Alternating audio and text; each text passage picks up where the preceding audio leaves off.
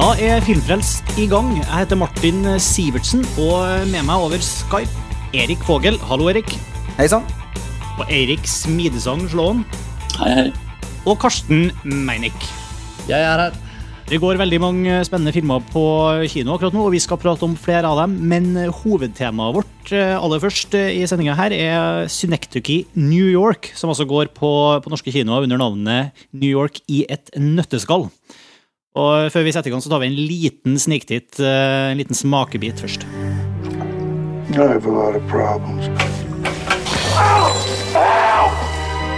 Going through some things. I'm hurt. Am I dying? Can you tell me that? I can't tell you. You can't tell me? No. No, you can't tell me if you can't tell me. No. I'm lonely. And I'm afraid I'm gonna die. Anything else? I don't know what's wrong with me, and I want to do something important while I'm still Well, that would be the time to do it, yes. Ja, det var lite utdrag fra, fra um, New York. Hvem har lyst til å liksom, gi uh, introduksjons... Oppsummere filmen kjapt, for uh, bare så vi vet, har et utgangspunkt? Noen som melder seg frivillig? Jeg kan gjøre et forsøk.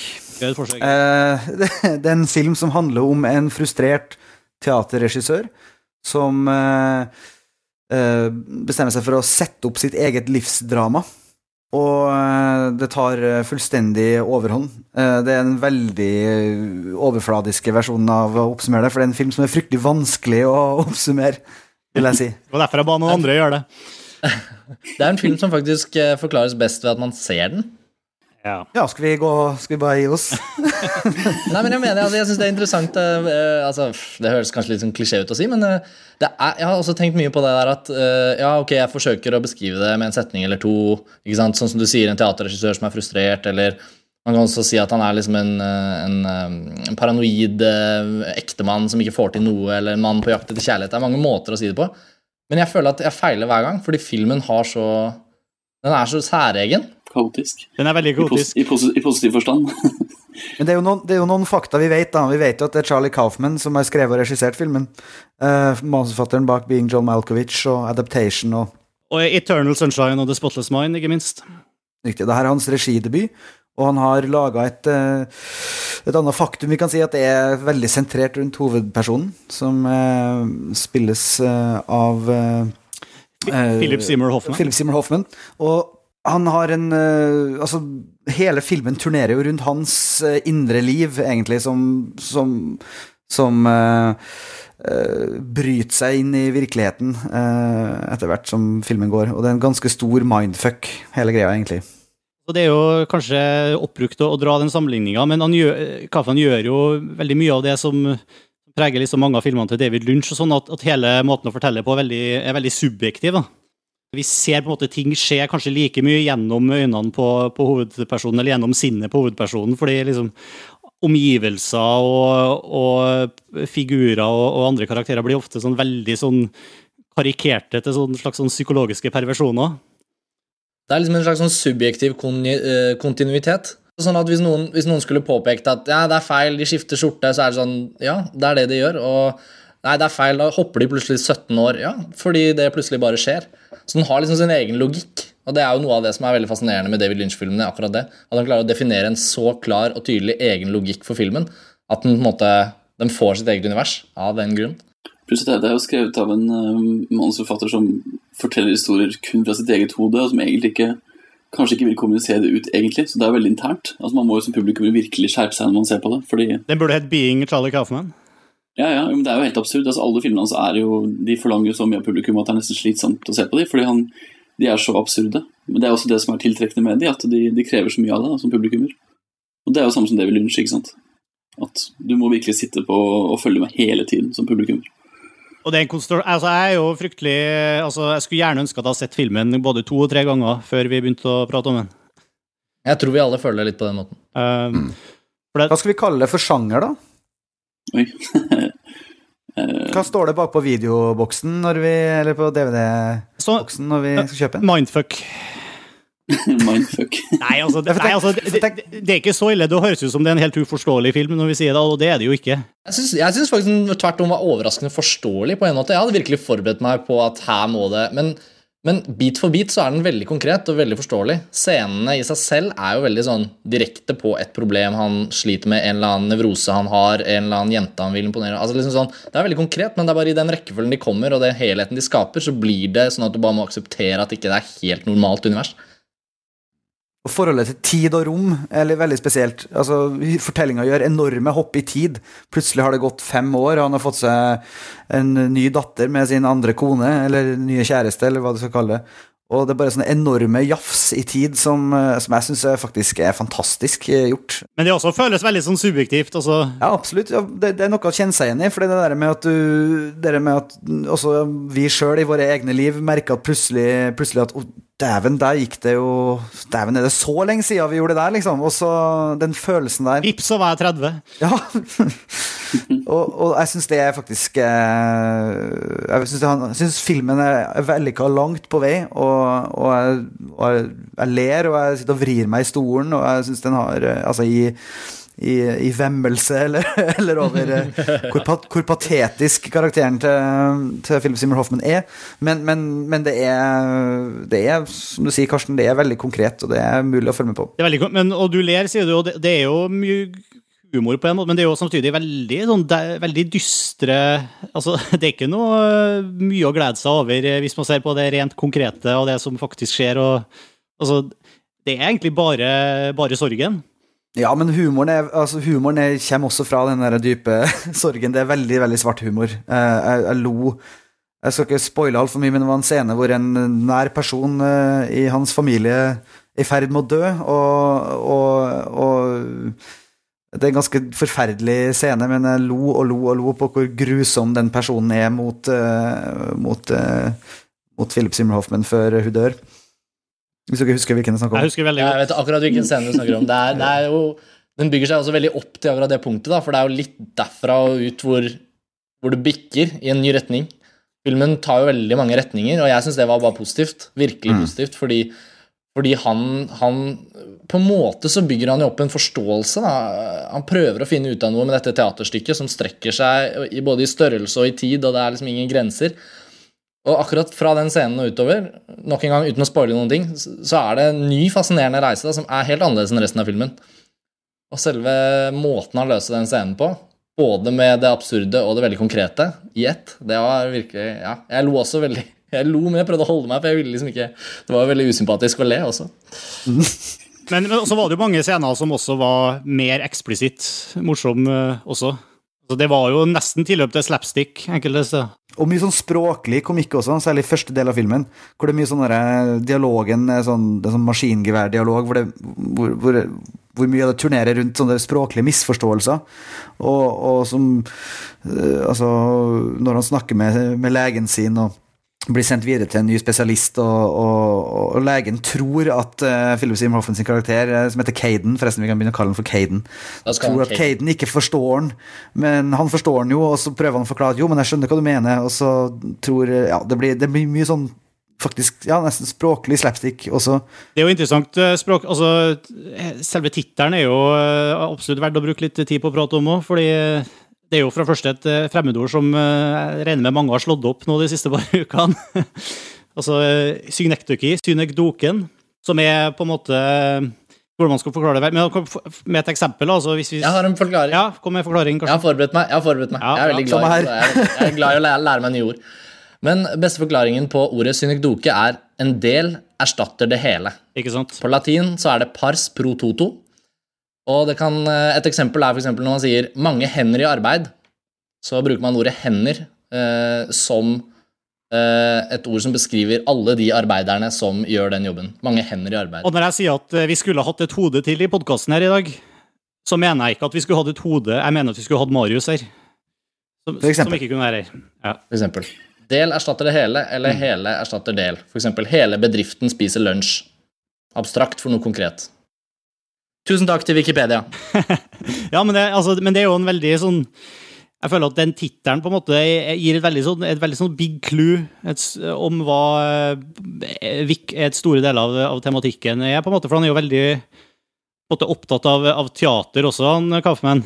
Det, det kommer jo frem gjennom dialogen eh, flere ganger i løpet av, av filmen også, hvordan hvert menneske på en måte som man kanskje ser på som statister, er på en måte hovedrollen i, i sin egen verden. Ja. altså, man, og, og hvert menneske er på en måte en, en, ja, en, en del av, av, av, av hele stykket.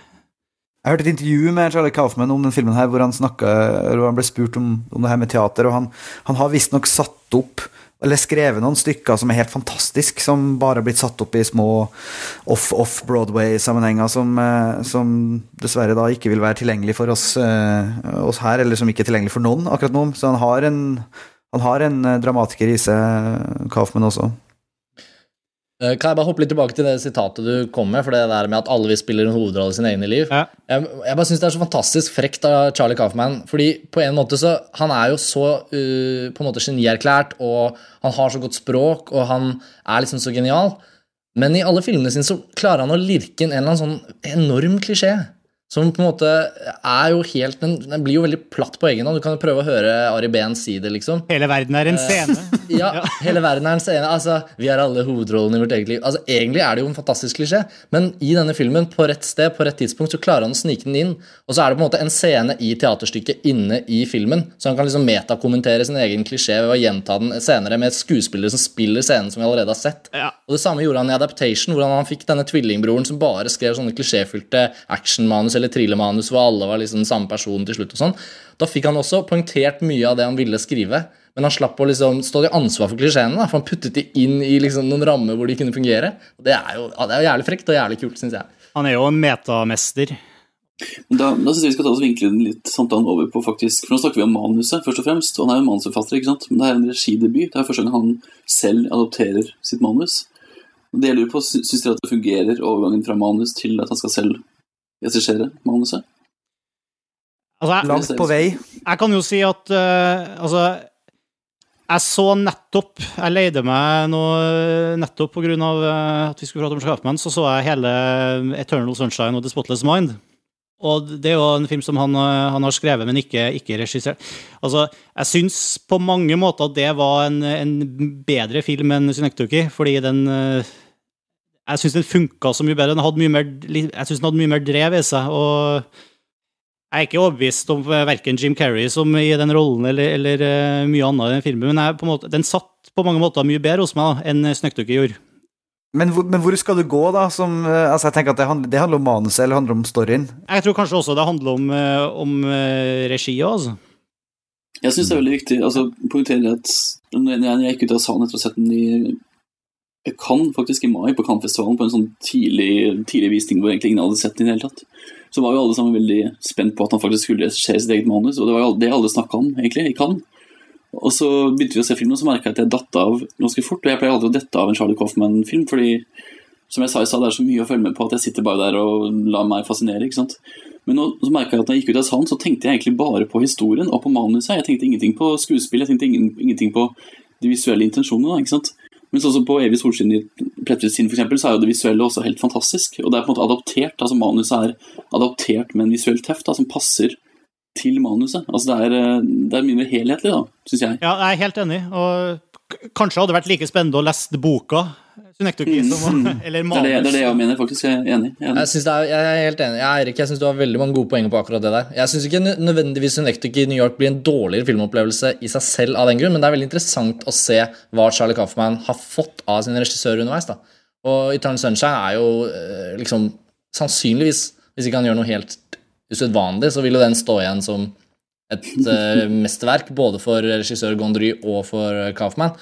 Og der er det så kult å se de to sensibilitetene møtes. Mens i den filmen her så føler man liksom at nesten man blir innestengt i Charlie Kaufman. Man får liksom ikke noen Man har ingen andre til å liksom justere den balansen. Jeg, etter første gjennomsyn så liker jeg det egentlig, men, men jeg er veldig, veldig åpen for at den, den kan kanskje Jeg vet ikke. At, man, at det, den svakheten vil bli synligere sånn med tiden.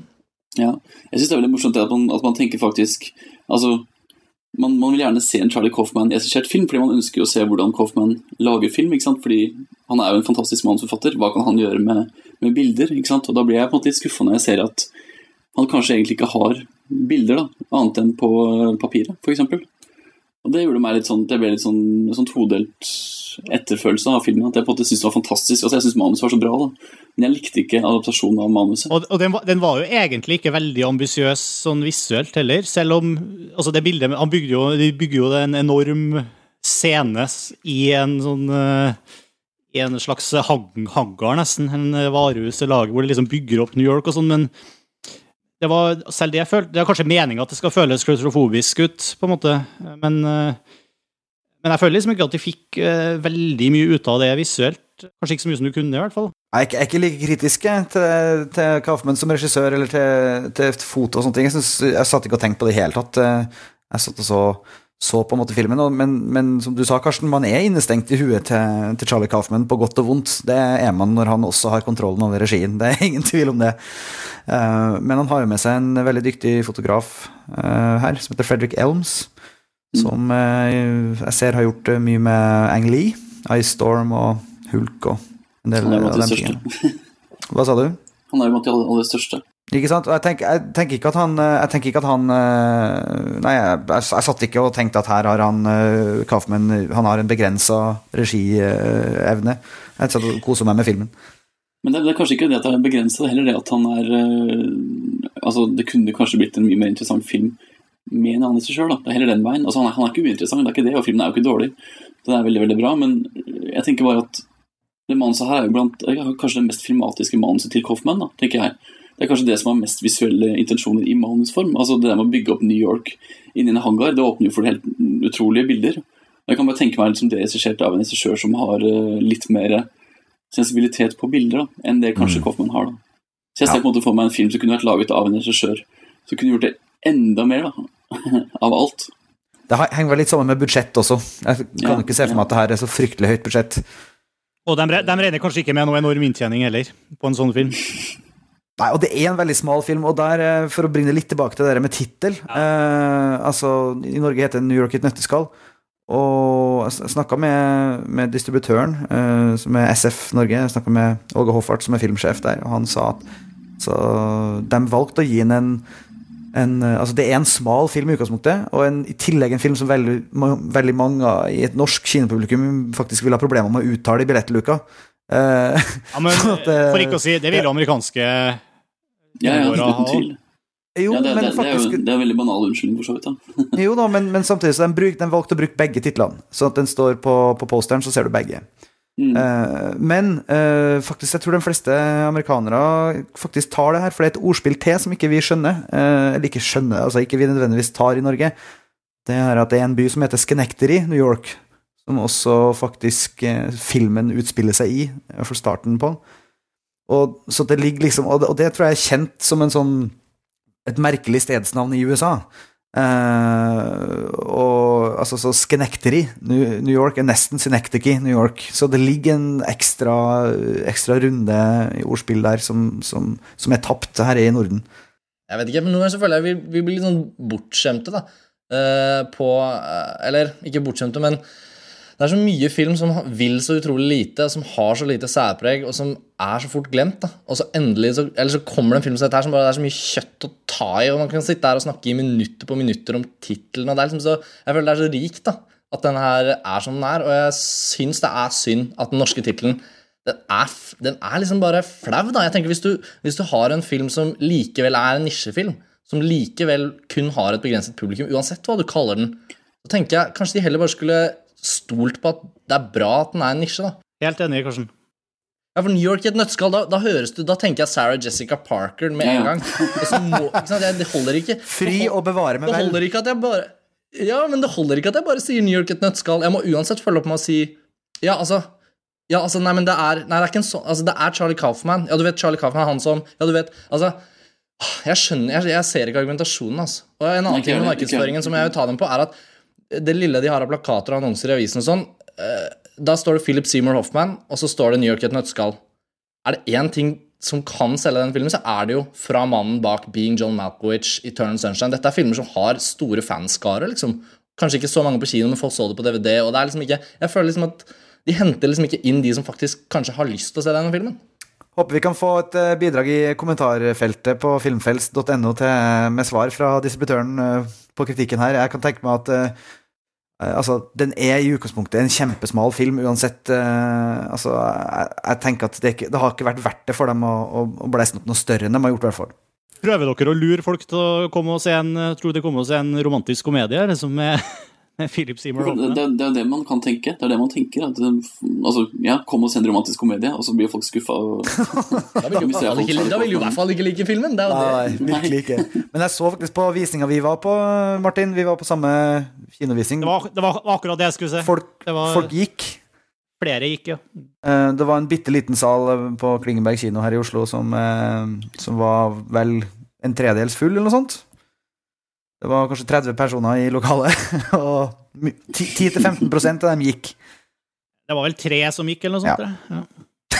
Ja, jeg, syns, jeg, syns jeg, jeg, må bare gjenta Jeg syns det er så synd at man ikke tør å stole på at noe som er nisje, noe som er særpreget, kan være bra for det det er. Hvorfor har de ikke annonsert uh, eh, helt særegent og spesifikt, f.eks. i jeg vet ikke, Morgenbladet og Ny Tid, eller sånne eh, Ikke at det bare er sånne folk som liker den filmen, i det hele tatt, men liksom, så kan de si at liksom, dette er en tøff, krevende film. For det savner jo folk også.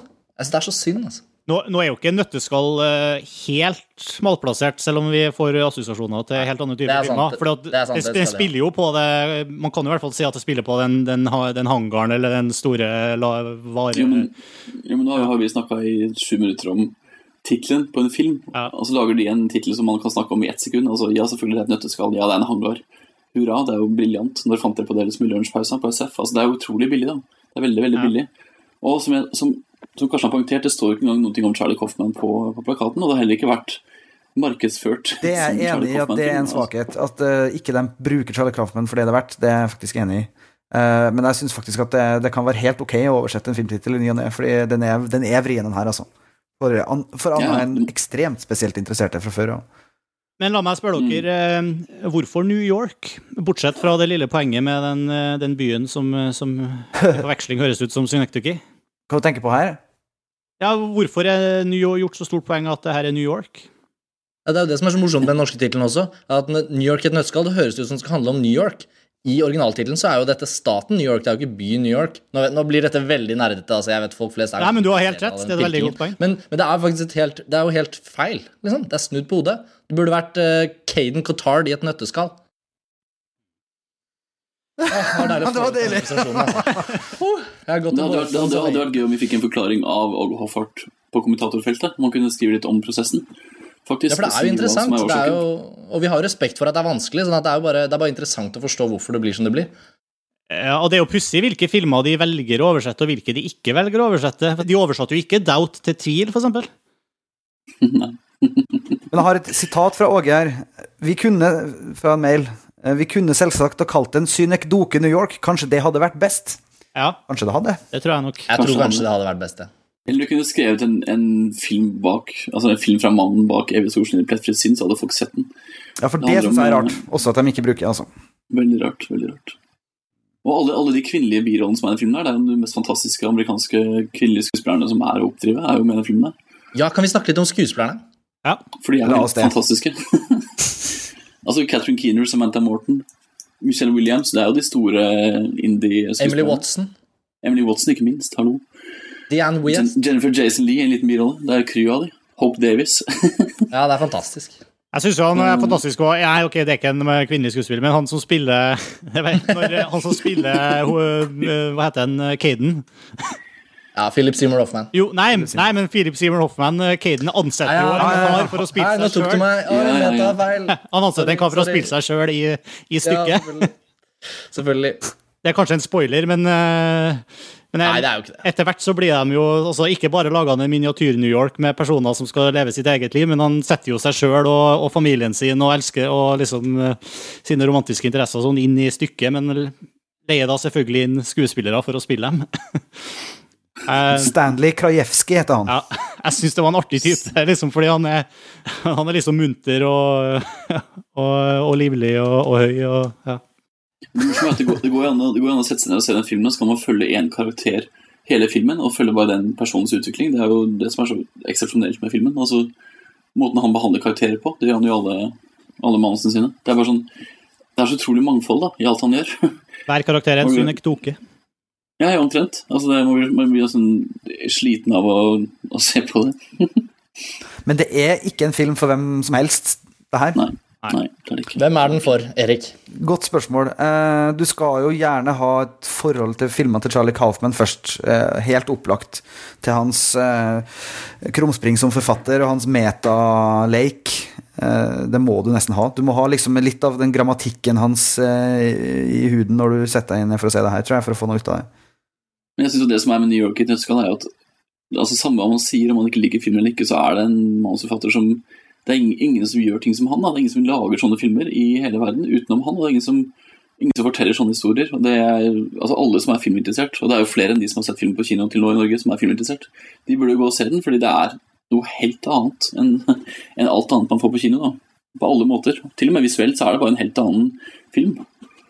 Ja, det, det sier jeg jo. Virkelig en varm anbefaling. Og jeg, I og med at den går for tredjedels fulle saler, det var tilfellet da jeg så den også, så, eh, så er det dessverre sånn at den kommer til å forsvinne fortere enn man rekker å snu seg. Så for de som merker at de er interessert i å bli utfordret av en film som det her, så burde de virkelig kjenne sin besøkelsestid og skippe et par andre mer eh, lettsolgte kinoopplevelser, og så velge New York i et nøttskall. Jeg kan, jeg kan gjerne stille meg bak det, eh, jeg også. Men jeg vil også si at eh, filmen har et problem med at det er utrolig mye bra som går på kino akkurat nå. Så det er utrolig vanskelig å, å putte den øverst, i, eh, øverst eh, i, på lista. Du har selvfølgelig helt rett. Jeg tror vi skal benytte anledninga til å hoppe litt over til de andre filmene. For eh, jeg må jo bare innse at eh, vi har jo gått i den samme fella som vi jo fikk kritikk for i vår første filmfest, at vi alle sammen var veldig enige. Om, Kan vi ikke snakke om Benjamin, Benjamin film. Button, da? så la oss forlate Synektikia og, og prate om, om Benjamin Button isteden. Er vi uenige om den også, eller? Det jeg mistenker at vi Jeg tror det er større fare for uenighet der, i hvert fall. Fordi eh, det er jo en film som har fått veldig blanda mottakelser, på følelsen av. Noen eh, elsker den, og, og noen rynker litt på nesa av den, rett og slett. Eh, Hvem har lyst til å gå først her? Nei, jeg har jo venta på den filmen der nå i sju år, kanskje? Åtte år, siden de begynte å snakke om at de skulle lage film av den. På en måte, Eller, de har snakka om det i mange mange, mange år, men det var først da det kom en regissør som skulle lage den. Men poenget er at jeg, jeg forventa faktisk å se en av mine favorittfilmer noensinne. Altså Jeg forventa å se noe virkelig helt fantastisk. Og det er skummelt. Uh, og det er veldig skummelt. Og jeg er David Fincher-fan uh, av dimensjoner. Jeg elsker alle som jobber bak kamera også, og skuespillerne i hovedrollen. Spesielt Kate Blanchett. Så jeg ble jo faktisk uh, litt skuffa, men tross alt så er det, syns jeg det er en veldig bra film. Men jeg forventa jo å se tidenes beste film, så jeg ble skuffa. Det er min oppsummering. så langt. Jeg kan jo si som den som ikke har sett den ennå, og så kan jeg også si hvorfor jeg ikke har sett den. Fordi jeg, jeg får ikke noe lyst til å se den. jeg. Eh, Jeg må si at den, altså, alt jeg har sett av trailere og sånne ting, forteller meg ganske nøkternt at det her er en stor, eh, grandios kjærlighetshistorie med en fyr som blir født gammel og blir ung, og jeg får liksom ikke Hva, hva, mer er det enn det? Og så skal man liksom se Brad Pitt og en hel haug med spesialeffekter eh, i to og en halv, tre timer.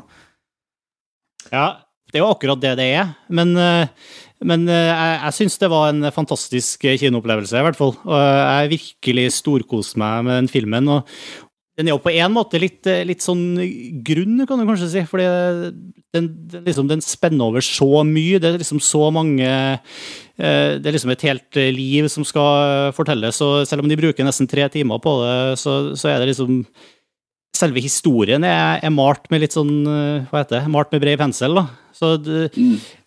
men jeg, jeg, jeg syns i hvert fall eh, det var såpass dyktig og, og, og drevende gjort, og det var så, jeg synes det var så flott å se på hele filmen at jeg bare lot meg virkelig sluke opp av, eh, av hele greia. og for første gang på, på lenge så satt jeg med, med gåsehud liksom, eh, av, av, av det visuelle, altså av spesialeffekter, rett og slett. Som du sier, Erik, det er en, nei, Erik, det er en, det er en spesialeffektfilm, men det er kanskje dumt å si at jeg fikk gåsehud av å se en ung Brad Pitt, liksom, men eh, det var særlig Jeg syns det er så rart at det er så få som har tatt tak i den delen av filmen. Det har liksom ikke blitt nevnt i, i, det, i noe av eh, promoteringa eller noen ting, at, eh, at de faktisk gjør Brad Pitt yngre òg. Du får liksom se Brad Pitt som, som tenåring. Eh, Jo, men Og- nå, nå, siste, så har det duk- dukket opp nå siste par ukene, har den samtalen begynt å gå. Ja, det er så rart at det har blitt oversett i forkant, for alt har dreid seg om den herre eh, digitale monteringa av det gamle ansiktet på, på barnekroppen, liksom. Og, og det er selvfølgelig dritkult gjort, men det var liksom vi har sett folk blitt sminka eldre før, og det er, liksom, eh, det er veldig dyktig gjort. men Jeg fikk liksom ikke noe, noe gåsehud av det, men jeg fikk virkelig det da jeg så hva de hadde gjort med, nesten bare med, med retouching, altså for å få en, en, skuespiller som nesten er 50 år, til å se ut som en, en, en 16-åring. Og det var Det, det funka rett og slett dritbra. Så jeg tror det er en sånn eh, øyeåpner for jeg tror det til å være en veldig øyeåpner for Hollywood da, å si at de kan, eh, de kan gjøre det med, med skuespillere. liksom. Mm.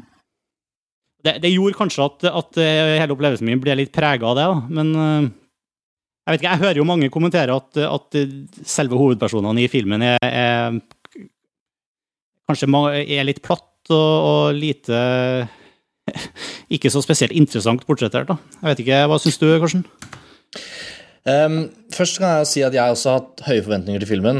Uh, av alle de samme årsakene som Eirik hadde det. Og så underveis, uh, ettersom filmen har fått mottakelse i USA og andre steder og brukt litt tid på å komme til Norge, så har jeg dessverre, selv om jeg prøver å unngå å lese anmeldelser, og selv om jeg prøver å være så liksom, åpen som mulig mot en film, så har jo forventningene mine blitt senket da, frem mot at jeg fikk sett den. Fordi jeg skjønte at det er et eller annet som gjør at ikke folk blir liksom nesegrus, at ikke hakene faller i bordet. At det er noe som holder folk tilbake. Så jeg hadde senket forventningene ganske lavt. Og så var jeg og så den på Colosseum 1. Jeg hadde med meg lillesøsteren min. Jeg så Eirik var på samme visningen. Og, og, mens filmen gikk, så merket jeg at jeg var liksom inni det. Jeg var, jeg var dratt inn i det, og jeg syntes ikke den var lang. Og da det var over, så tenkte jeg åh, det, det, var, en, det var en bra film. Ja. Men det er på grunn av at det er, det er, David Fincher. Det er noe med budsjettet, ideen, konsept det, det, det, skulle kunne være en av de der filmene som bare etser seg inn i filmhistorien i det øyeblikket du ser den, og du skjønner at denne kommer jeg til å se ti ganger, denne kommer til å bli referert til. Men det er ikke blitt den filmen. da. Nei, og jeg syns ikke altså, Forventningene mine ble jo veldig senka da jeg så den, eh, som kanskje mange har sett på nettet nå, den sammenligninga mellom Forest Gump og, og Benjamin Button som, er, som, har samme manusforfatter og, og, på en måte gjennomgår mye. Altså, på mange måter så syns jeg Forest Gump er en på mange måter mye mye mer ikonisk, spennende film. Men, men, men det er som du sier, kanskje altså, den eh, Fincher klarer liksom å, å, å, gjøre det så eh, Det som kanskje er et litt svakt manus, muligens bare har sånn skikkelig slagkraft fordi det er så utrolig dyktig gjennomført. Ja, det har jo mye med David Fincher å gjøre. Altså, han er jo en ekstremt profesjonell filmskaper som har evnen til å Akkurat det vi kanskje savnet litt i Charlie Kaufman. Altså, han har evnen til å ta et manus og bare gi det noe så sterkt og medrivende. Da. Og det er jo biter av Benjamin Button som jeg syns er utrolig bra. Virkelig fantastisk. Uh, så da, Jeg vet ikke hva som er svakheten oppi det hele, men det må jo havne litt på at Eller det jeg har tenkt litt på, er at Eh, når karakteren eh, blir yngre, men blir eldre altså Han blir eldre i hodet, men han blir yngre rent fysisk. Nå skal jeg prøve ikke, Det er ikke noe spoilere, men liksom da, da, forventer man kanskje en mer livlig karakter når man ser en ung person, mens det han egentlig blir, er liksom en tankefull, klok person som lærer mer og mer om at livet er som det er, og mennesker dør, og man mister de man er glad i. Så jeg tror kanskje noe av det som jeg, er vel, Det er liksom Benjamin Buttons Den siste biten av filmen, hvordan han liksom reagere på de tingene som skjer med de menneskene han er glad i, ble ikke jeg ordentlig emosjonelt uh, revet med av. da. Jeg synes altså, Filmen mangler faktisk egentlig en god uh, hovedrolle. altså Den mangler egentlig en god uh, hovedkarakter, syns jeg. Jeg, jeg syns jo på en måte at den faller liksom i kategorien av, av altså av film hvor, hvor, hovedpersonen på en måte er bare et slags uh, tomt skall som, som, ting skjer med. Altså hvor, hvor, hele liksom livet skjer, er noe som skjer Benjamin Button. Selv om han, han er ikke normal, han har jo den uh, åpenbare aldringsdefekten sin, men, men, utover det så er han jo en ganske sånn, sånn blank tavle som ikke gjør så fryktelig mye, mye ut av seg. og, og jeg syns ikke det nødvendigvis er en svakhet. Det gjør det jo for det første mye lettere å identifisere seg med når, eh, for, når han ikke er en sånn veldig sterk eh, person med masse personlighet og, masse quirks og, og liksom uh, Han er på en måte everyman, i tillegg til at han er Benjamin Button. Men jeg synes for eksempel at, og at vi ser han gå gjennom et helt liv Han er jo aldri sint, f.eks. Vi ser han aldri sint, vi ser han egentlig aldri, aldri er skikkelig lei seg, egentlig. Altså Vi ser aldri følelsesspekter hele veien. nå. Og Det gjør at han blir kanskje litt lite uh, troverdig som karakter. altså Man, man mister litt interessen fordi han, er, han virker ikke menneskelig da, som karakter. For han, han opplever jo ekstremt mye, naturlig nok. Men vi ser, aldri, vi ser aldri hans aktive part i det. Da. Kan det være et kompromiss av eh, en veldig ekstensive effektbruk? Han er jo eh, en digital eh, figur i over hva er det, nesten en time av filmen, så er det jo en ren digital figur. er det. Og selv om den digitale figuren er ekstremt velgjort, og jeg satt ikke noen gang og tenkte at det her er en eh, digital dukke, så kanskje det, har det noe med det å gjøre at det var litt vanskelig å få han til å vise den type følelser.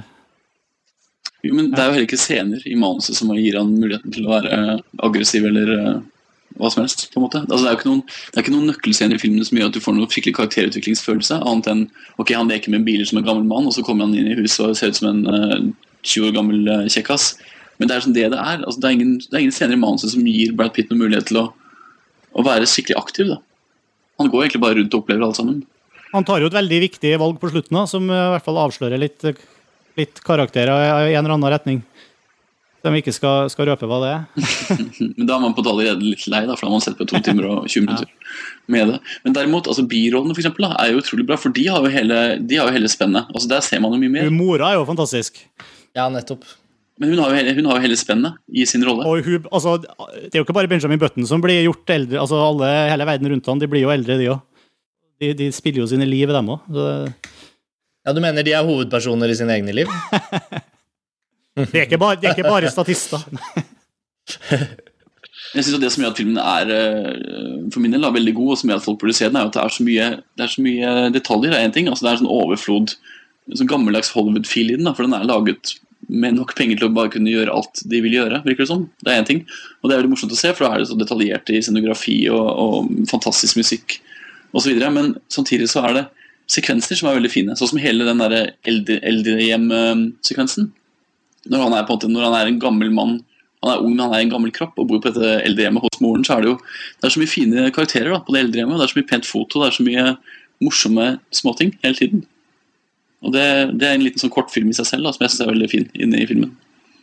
Men, men uansett, Benjamin Button, jeg vil helt klart mye heller se Synecdoche i New York en gang til enn jeg vil eh, se Benjamin Button en gang til. Og når jeg hører dere, når jeg hører dere snakke om Benjamin Button nå, så jeg, jeg må fortsatt tilstå jeg er ikke solgt, altså. Jeg tror jeg, det Du får fremdeles ikke lyst til å se den? Nei, jeg har lyst til å se Man on Wire og Waltz with Bashir og Frost Nixon og masse som Frost går nå. Nixon, gud bedre, det er Ron Howard, jo. Ja.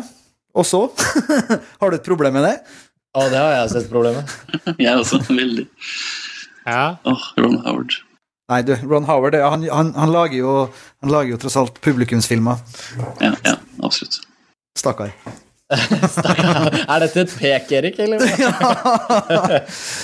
Men du har ikke sett Frost Nixon heller, Erik? Nei, jeg har ikke det, Sånn. Har, vi, har dere sett den? Nei, jeg, er ikke, den, er- jeg skjønner ikke hvorfor jeg skal se den. Jeg har sett den, jeg, altså. Um... Ja, hva, hvor, Fortell meg hvorfor jeg burde eller ikke burde se den. Nei, jeg vet ikke. Det, jeg syns ikke det var en kjempefilm, rett og slett. Eh, Så jeg burde ikke se den.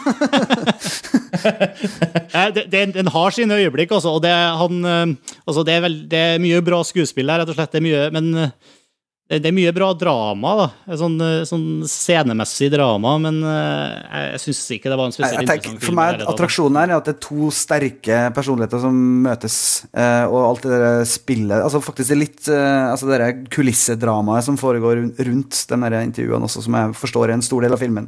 Det er som en boksekamp, liksom, hvor de møtes, og så har de et par runder, og så går de tilbake og prater med sine folk og får en drikk med vann og blir kutta i øyet, og så er de tilbake inn i ringen, på en måte. Og så. Kutt Ja. ja, apropos i ringen, så er det Wrestler også. Jeg har heller lyst til å se. Ja, Den kan jeg anbefale varmt. i hvert fall. Hvem andre var det som har sett den? Jeg har sett den. Ja. Nei, The Wrestler er jo på kino nå. Han går på ganske mange norske kinoer, egentlig. Han har vist seg å være veldig populær. Og Mickey Rorks comeback. Um, Men også så mye mer. altså Et utrolig fint, uh, vart uh, drama. Og regissør Darren Aronofsky har egentlig fått altfor lite oppmerksomhet for den filmen. her Det har liksom bare blitt snakket om Mickey Rourke, Mickey Rourke. Ja. Dette er et, et lite mesterlig drama, rett og slett. Ass, som er rørende og fint og engasjerende. Ja, det er veldig sånn, Gleder- eh, gleder sånn ned, ned på jorda-film i forhold til mye av de Aronofsky-filmene i det siste. Den er jo Ikke sant? Det er veldig sånn eh, nøkternt fortalt, egentlig, men jeg syns den den var strålende. Altså. Det er utrolig mye kule altså, På en måte så er det veldig sånn enkelt kamera, men det er veldig du, du ser jo ikke Mickey Rorks ansikt før ganske langt ute. Du bare følger liksom den enorme ryggen hans. idet Han liksom går gjennom eh, det her eh, på vei inn til, til wrestlingkampen. Og, og jeg vet ikke, det er veldig sånn Det var litt sånn magisk stemning der, syns jeg. Jeg snakket litt eh, med et par folk som hadde sett den om liksom, Fordi den, den, det er en film som har mange kvaliteter, og så lurer man litt på hva, hva er det den egentlig minner om? Eller hva er det hva, Hvilke bra ting er det som, som gjør at man tenker sånn Denne filmen minner om noe. Og vi kom fram til at det er en slags sånn det er en Martin Scorsese-film uh, iscenesatt av Darden-brødrene, regissert av uh, ja, Darren Aronofsky. Den har liksom litt sånn forskjellige sentimentaliteter. da, At man kan sammenligne litt med Raging Bull, bare helt ikke, fordi den er jo veldig veldig annerledes. Men samtidig så kan man liksom sammenligne litt med den. Og så er det noe med mm, Aronofsky jobber med en kjent eh, fransk eh, dokumentarfotograf. Hun, hun har gjort utrolig mye bra. Sjekk henne opp på IMDb fra The Wrestler. Jeg husker ikke navnet hennes. Men uh, man merker at det er en slags europeisk eh, sensibilitet i fotoarbeidet. da. Mens liksom det er noen sånn hard Scorsese-punch i, i karakterene og måten de liksom krasjer mot hverandre. Uh, det er et av de bedre argumentene jeg kan komme på å si om The Wrestler. Jeg er solgt. Du er solgt, det er bra. Woohoo! Samme her. Og den er jo også en veldig sånn downer-film, egentlig. Man skal ha det òg, syns jeg innimellom. Og så er det en veldig amerikansk historie i den tiden hvor Amerika befinner seg i dag. Altså, det er ikke liksom Ja, du er wrestler, men du må dukke opp på kveldssigneringene for å tjene noen dollars og selge noen T-skjorter og stille på noen polaroidbilder, og du må komme deg videre i livet. Altså, det, det er en sånn realisme da, som er veldig sunn og veldig fin, og absolutt ikke påklistret. Jeg er helt sikker på at dette er en historie som befinner seg i USA. Det er så utrolig artig, bare den kontrasten, ikke sant? Hvordan du, som du egentlig kanskje mistenker, du, som du kanskje ofte har lurt på. Jeg så jo på wrestling da jeg var tolv år, liksom, og WWF og Jake the Snake og alt det her. Så, men, men, her, men her, her ser du liksom de, de karene helt på en måte De går ut i ringen og, og tøffer seg, men de liksom hvisker til hverandre 'Å, fikk gjorde det vondt?' Hæ? Kan jeg liksom 'Nå skal vi gjøre det', og skal vi gjøre det. Altså, og de er liksom, når de kommer inn i garderoben, så er det liksom klemmer, og de er veldig den kontrasten der var veldig morsom å se på. Veldig artig. Til å være en film som heter The Wrestler, så er den faktisk overraskende søt. Ja. Det er en veldig søt film. Ja. Det er til og med sikkert en bra datefilm, egentlig. Men altså, alle, alle, alle jeg snakker med som har sett den, syns jo at den er veldig veldig bra, men noen sier at den er oversentimental. Er det sant? Den er, sent- den er sentimental, i hvert fall. Ja, jeg syns også den er sentimental, men jeg syns ikke det gjør noe. Uh, den har den typen Jeg vet ikke. Det, der tror jeg Mickey Rourke kom med sitt viktigste bidrag til filmen, egentlig. Fordi han, han er liksom så slitt og ødelagt rent fysisk. Han trenger nesten ikke å spille det.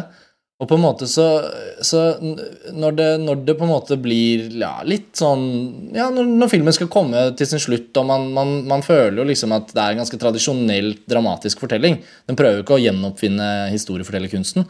Og da, når den da blir litt sentimental, så, så, så aksepterer man det mye mer i denne filmen uh, enn mange andre filmer. Nettopp fordi at Mickey Rourke har bare lagt hjertet sitt på bordet da, gjennom hele filmen. Og han er liksom machomannen som som bare sier 'sorry, folkens, jeg er sårbar, og jeg er lei meg, og jeg er sliten'. Da, da, da er det lettere å svelge. Manusforfatteren sa i intervju på Creative Magazine uh, eh, Sorry, create, hva heter det for noe? Creative Screenwriting Magazine sin podkast at uh, han hadde vært på settet, uh, altså forfatteren også, og da hadde Mickey Rourke hadde jo kommet hver eneste dag med et nytt par solbriller. For han mente at uh, ah, Sjekk her, da, Darren, se hvor kul jeg ser ut med solbrillene her. For han prøvde å skjule, skjule seg hele tida. Vil gjerne ha deg med i filmen. Jeg ville gjerne være ikledd dem her i den filmen. Og så hadde Darren bare sagt hver gang at nei, du får ikke, vi må se øynene dine, liksom. Vi må se ansiktet ditt. Jeg tror han Jeg tror han Mr. Rourke vet, vet at, eh, at eh, han kan leses som en åpen bok. Og noe sier meg at han er glad for at han tok det valget nå. At han er glad for at han var, eh, ble regissert av Darren Aronofsky. Fordi nå har jo denne rollen blitt hauset opp i det store og det brede. Vel fortjent. Og i kveld så kan han vinne en Oscar for det. Og det er, det er en skikkelig fin historie, det òg. Altså hele historien om Mickey Rourkes comeback. Det er jo. Han, han, har, han har vel fått eh, fire-fem eh, filmroller lina opp eh, allerede, har han ikke? Jo, etter sigende. Iron Man 2. Ja, bad guy i Iron Man 2. Ryktet er at han blir bare tilbudt 250 000 dollar, og det er jo lavt uansett om du har comeback eller ikke. Hvis du spiller bad guy i en sånn film. Det er visstnok bra i forhold til hans tidligere lønningsnivå. Ja. ja, Han fikk jo ikke noen penger for The Wrestler. Men du nevnte Oscar, eh, Karsten, og det er jo i, vi spiller inn det her når det er Oscar night. Det betyr at når det her går på lufta, så vet vi hvem som eh, har vunnet. Vi har satt oss i en dårligst mulig posisjon for å prate om Oscar-utdelinga i Filmfrelst. Ved å ta Og derfor har vi ikke tenkt til å prate så mye om det. Vi kan, vi kan tippe, så kan vi vise hvor dårlige vi er når vi viser opptaket. Vi kan bare tippe Norge som sier favoritten, og så kan vi vise hvor feil vi tar. Jeg håper Mickey, jeg håper Mickey Rourke får Oscar for den eh, rollen her. Jeg håper det. Kan jeg ta opp en ting som er helt på sida? Eh, Ja, det var stille. OK. Nei, altså, eh, det var bare en ting jeg har fått med meg, at eh, det har vært så mye styr rundt Jane Austen, Pride and Prejudice. And Zombies. Ja, for det er den ene. Og så tenkte jeg det var jo morsomt. Noen som, skal, noen som driver og jobber med en bok som skal bli film, som heter Pride and Prejudice and Zombies. Men så plutselig kom den bisarre pressemeldinga om at produksjonsselskapet til Elton John skal lage en film som heter Pride and Predator. Mm. Eh, og det sto til og med på om det var Hollywood Reporter eller Variety som gjenga det, men jeg syns det høres ut som et bogus. Men det er jo finansiert. Det er fullfinansiert, hele prosjektet. De skal lage den filmen. De skal lage. Hva, hva er det? Det blir kostymedrama med altså Jane Austen sin historie, og så med Predator-monsteret oppi det hele. Ja, altså Det er jo da konflikten og karakterene til Jane Austen som jo har sine konflikter som alle som har lest de bøkene, vet jo hvordan det er. på en måte. Men nå er det altså da predatorer som eh, forårsaker konfliktene, ikke kjærlighetsliv og familienormer og alt sånt. Det er Ja, for jeg tror de, Det er en skikkelig sånn Deus Ex-makina hvor de har den historien, og så sender de inn en alien, en predator, og så ser de om historien forandrer seg. Uh, jeg føler at dette er en sånn der Snakes on a Plane-hendelse, hvor de har kommet med en sånn tittel som du, det går ikke an å ikke ville lage den filmen. Fordi det er liksom for morsomt. Pride and Predator. Og det går ikke an å ikke ville se den heller, faktisk. for å helt ærlig. Nei, på en måte. Men jeg, har jo veldig, jeg blir jo veldig skeptisk, da. Herregud, Det skal jo ikke bare være morsomt med en tittel, og det skal ikke være et morsomt konsept. De må jo få til ekstra mye. Det, er, jeg, med all, med liksom, det kan godt hende det blir bra, men jeg, jeg, jeg vet ikke, ass. Det høres ut som noe hvor jeg klarer meg lenge med traileren. Ja, ikke sant? Jeg er Enig. Jeg syns det hørtes helt langt ut. Pride and Predator. Så, eh, det er sånn Tegneserieverdenen har jo hatt mye sånne mashups. Jeg har sett sånne Batman versus aliens og sånn. Ja, men Det det, jo- det, var jo, det var jo planlagt å lage veldig mange sånne Batman versus Superman versus i, for et par år siden. De skulle lage alle mulige sånne filmer, men alle ble jo kansellert. For det var ingen som ville finansiere dem. Ja, heldigvis. Og heldigvis, ja, ja. Ikke sant? Uh, SF skal jo distribuere Pride and Predator, så jeg er veldig spent på den norske tittelen. Stolthet og Stol- Stolthet og Stolthet i et nøtteskall. Stolthet. Stolthet. Og så står det da Elton John som produsent. da, Han i bakhodet. Det kommer til å stå Elton John presenterer over. Det blir jo helt absurd.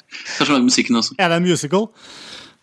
Uff, tenk på det. En musical etter Jane Austen med predatorer. Det kan jo bli ganske bra. Ja. Eller underholdende. Apropos musical, har- jeg så eh, Repo, The Genetic Opera. Å, jøss. Eh, Den fikk jeg, den har kommet på HD i iTunes eh, Music Store.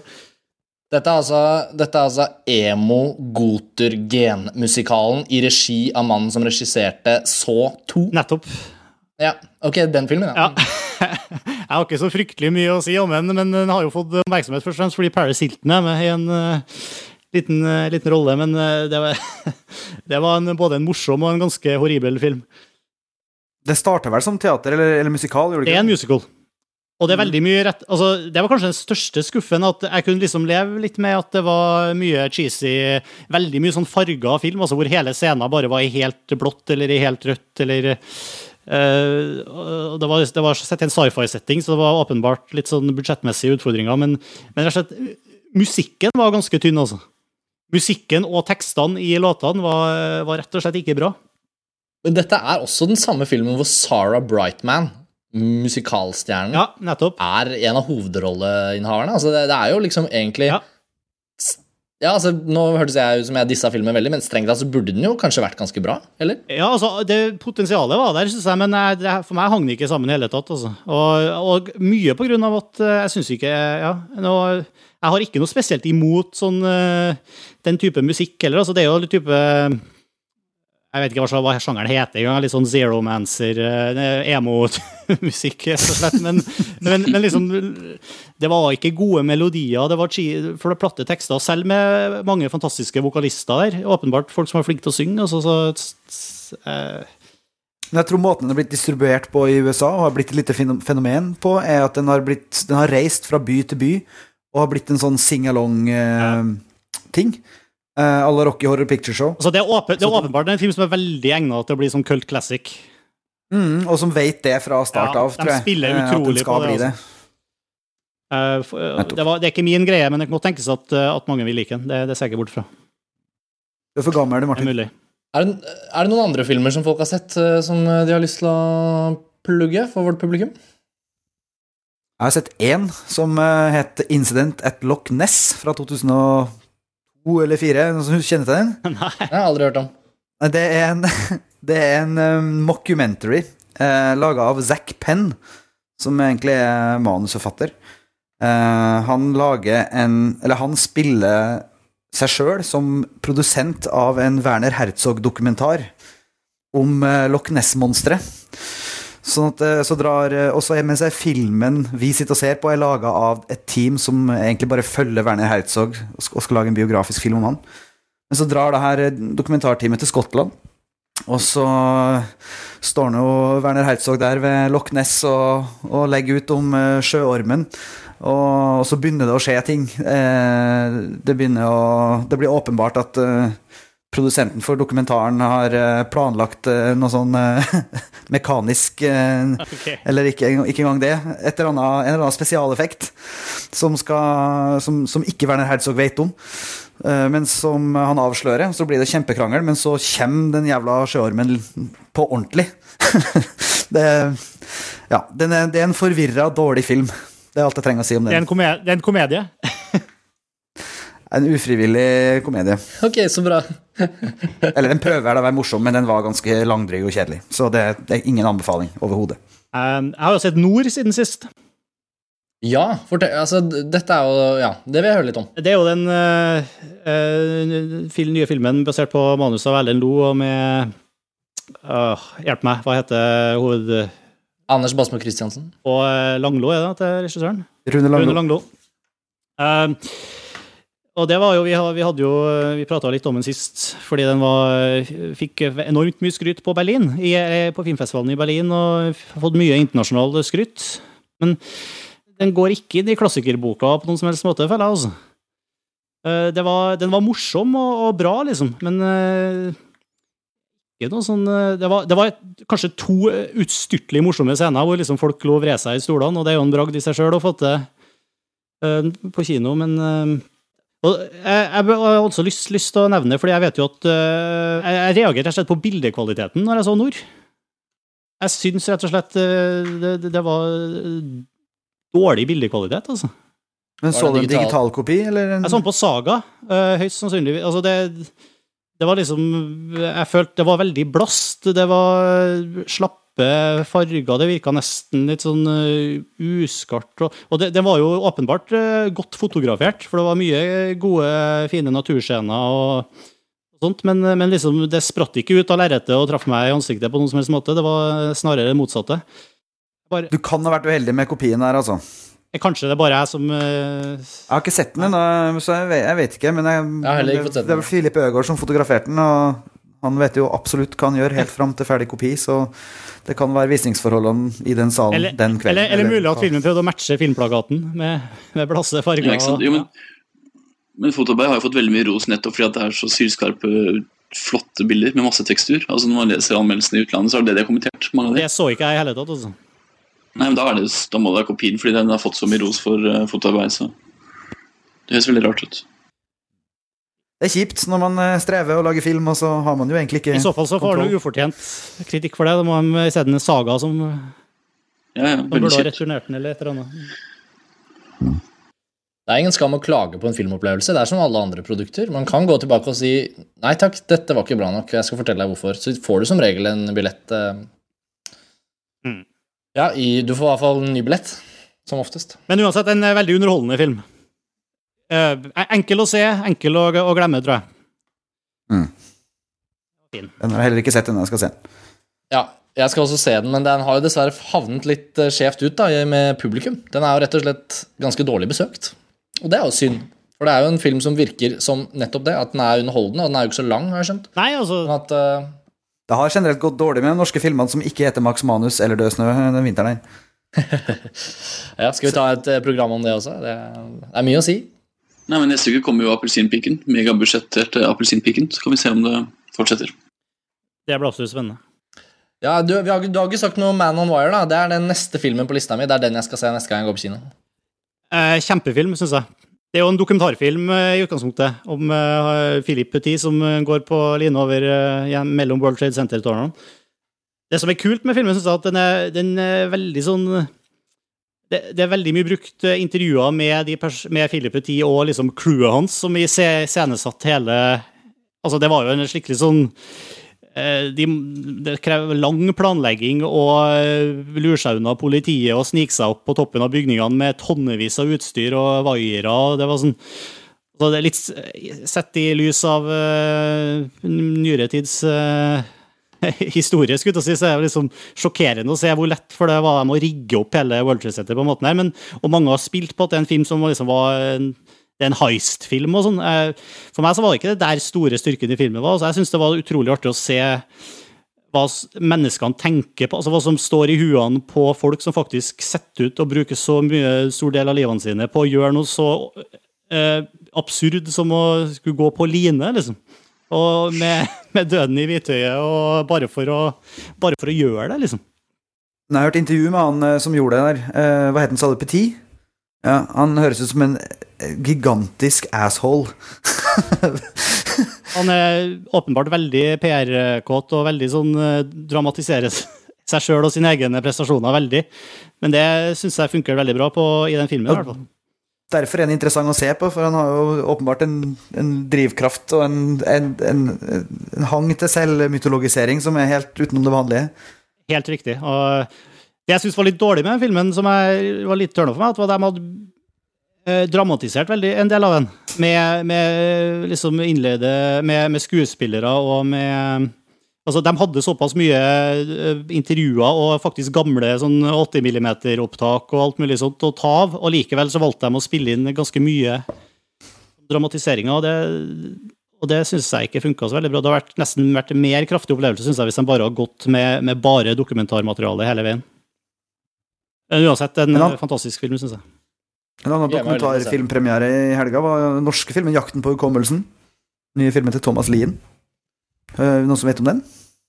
Nei, Jeg syns den virker veldig spennende fra sånt uh, hukommelsesfaglig perspektiv. Nei, Jeg er faktisk skikkelig spent på den. Det gikk, eh, så Vi så jo trailer på den når vi så Synectic i New York, og jeg syns det hmm, Ikke urelatert til Kaufman. Nei, faktisk en bra match. Nei, men det er bare den det er et prosjekt jeg har visst om en stund, som jeg er veldig spent på hvordan det ble.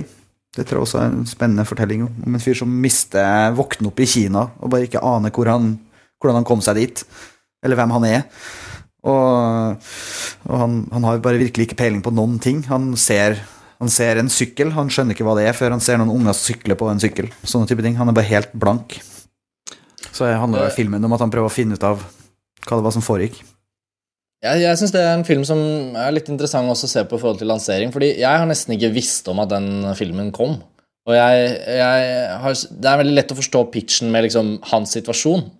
Der filmen sannsynligvis begynner, liksom. Sånn er settingen. Så, hva skal filmen handle om? Ja, det er en film hvor jeg virkelig skulle ønske at de hadde Jeg vet ikke. De har sikkert jobbet hardt for å få den liksom opp og frem og få promotert den, og sånn, men jeg, jeg har fremdeles ikke helt grep om hva filmen er. Liksom, jeg skjønner pitchen, men jeg skjønner liksom ikke helt hva selve reisen gjennom filmen kan være. da. Og den har fått veldig vekslende mottakelse. Det er det lille jeg har registrert. Jeg tror den fikk to i Natt og Dag, og så Oi! Fikk den fem i NRK. Altså Birger Vestmo, tror jeg det var. Eller, altså Den har fått veldig liksom, begge ender, da. Og for en dokumentar så er jo det ganske vanskelig å Jo, men den har faktisk den har fått eh, tre i Aftenposten og tre i Dagbladet og eh, fire i VG. Yes. Og nå er ikke jeg verdens største fan av de norske kritikerne, så det er ikke det, men jeg, jeg, det er jo litt synd at ikke kanskje de som distribuerer den, har klart å tegne et tydeligere bilde av hva filmen er, da. Pluss Det er det er poenget at altså, Den har fått veldig kjipe anmeldelser, men plakaten sier jo heller ingenting om filmen. Altså Jeg har sett den plakaten henge i byen en stund nå, og jeg har faktisk ikke skjønt at det er en film som kommer på kino. For å være helt ærlig, Og jeg pleier jo faktisk å få med meg som kommer på kino. Hva er, plakat, hva er plakaten? Jeg kan ikke huske å ha sett den. jeg. Det er bilde av hovedpersonen, og så står det 'Jakt på hukommelsen', og så er det noen kinesiske tegn. Og nå okay. Plakaten ser ut som en, en dårlig plakat for et eller annet sånn derre gå på Vita, Vita og kjøp deg et eller annet helsekost-ting, liksom. Jeg, det, det er ikke en filmplakat for meg. Den sier ingenting om filmen i det hele tatt. Men kanskje vi har mer å si om filmen eh, neste gang, når vi faktisk skal se den. Ja, kanskje det. Jeg er nysgjerrig på den. altså Jeg har lyst til å se den, men det har jeg alltid når det kommer både norske dokumentarer og norske filmer, og egentlig helt til det blir mot... Men jeg vet jo at det er en dokumentar eh, som flere av oss har sett, eh, som kanskje ikke er en dokumentar engang. eh, 'Vals med Bashir'. Den har vi jo ikke Ja. nevnt med et ord. Det, er- det er vel kanskje et strekk å kalle det en dokumentar, selv om den er veldig dokumentarisk i, i temaet. Den er jo dokumentær, men det er jo Dokumentær, men ikke dokumentar. Ja. Ja, men ja, altså, nei, Vi må jo kunne si at det er en dokumentar. Det er jo så mye forskjell. Altså, Michael Moore, Man kan jo også si at dette er Michael Moores meningsytring, og ikke kalle det en dokumentar. Men uh, vi må nå engang ha en sjanger, da. Old Man on Wire, hvis det er så mye Man on Wire er veldig dramatisert ennå. Mm. Ja, ikke sant? Sånn at jeg tenker sånn, ok, Vi aksepterer dokumentar skal romme veldig mye, da. Men det med Vals med Bashir som er så unikt med den, er jo én at det er en animert dokumentar. Altså det er en animasjonsfilm som ikke eh, Som oppfattes virkelig som en dokumentar mens du ser den, men det er en animasjonsfilm. Og så er det en film fra Israel som eh, tar tar tematikk om israelske soldaters eh, traumer i forhold til ting de har vært med på. Og det gjør jo filmen utrolig unik bare på papiret.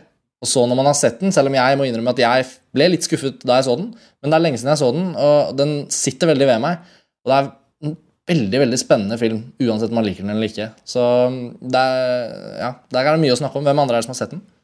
Jeg har sett den. Jeg så den sammen med deg, Karsten, i Kalavivari i sommer.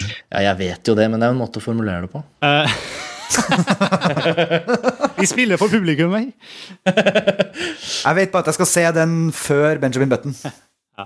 Ja, men Det er en god idé, Det er en god idé, Erik. faktisk. det er en god prioritering. Jeg syns også, synes også 'Vals med Bashir' er en veldig, veldig god film. Og jeg vil si faktisk at det er en nyskapende dokumentar. Da, fordi sånn som dokumentarer har blitt nå de siste årene, så er jo dokumentarer er jo på en måte så utrolig mye nå for tiden. Men en, jeg syns faktisk at det er en nyskapende dokumentar. Det syns jeg er det største, største med filmen. Men jeg, syns- jeg, jeg, ikke, jeg følte ikke nok engasjement for, eh, for hovedpersonen. Altså, jeg, jeg greide ikke helt å engasjere meg i historien, trass i at det er en så ekstremt engasjerende historie. Så ble jeg ikke engasjert av den.